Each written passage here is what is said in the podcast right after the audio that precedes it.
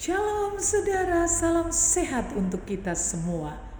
Pengurus kaum muda dari sebuah gereja meminjam mobil gembala sidang untuk mengadakan rapat di puncak. Rapat berakhir lalu mereka pulang. Sebuah insiden terjadi di jalan. Mobil mereka ditabrak dari belakang. Oh, dan bagian belakang mobil penyok cukup dalam Waduh, semuanya cemas, semuanya khawatir. Gimana ya? Gimana ya? Gimana tanggapan Pak Gembala? Siapa yang harus menjadi juru bicara? Ngomongnya gimana? Akhirnya seseorang berkata, "Yuk kita berdoa supaya Roh Kudus menjamah hati Pak Gembala biar nggak marah." Seseorang nyeletuk, "Jenis ini tidak bisa diselesaikan hanya dengan berdoa." tetapi doa dan duit.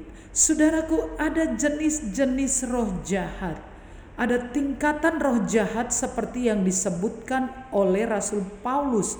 Pemerintah-pemerintah, penguasa-penguasa kerajaan angkasa, pengulu-pengulu dunia yang gelap roh-roh jahat di udara.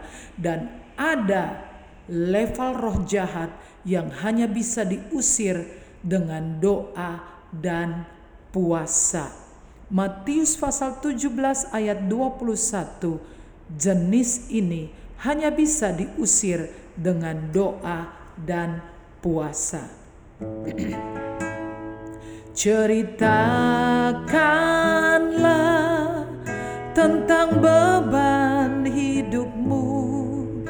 di dalam doa serahkanlah hidupmu doa adalah jembatan bagi kita untuk bersatu dengan Tuhan kita.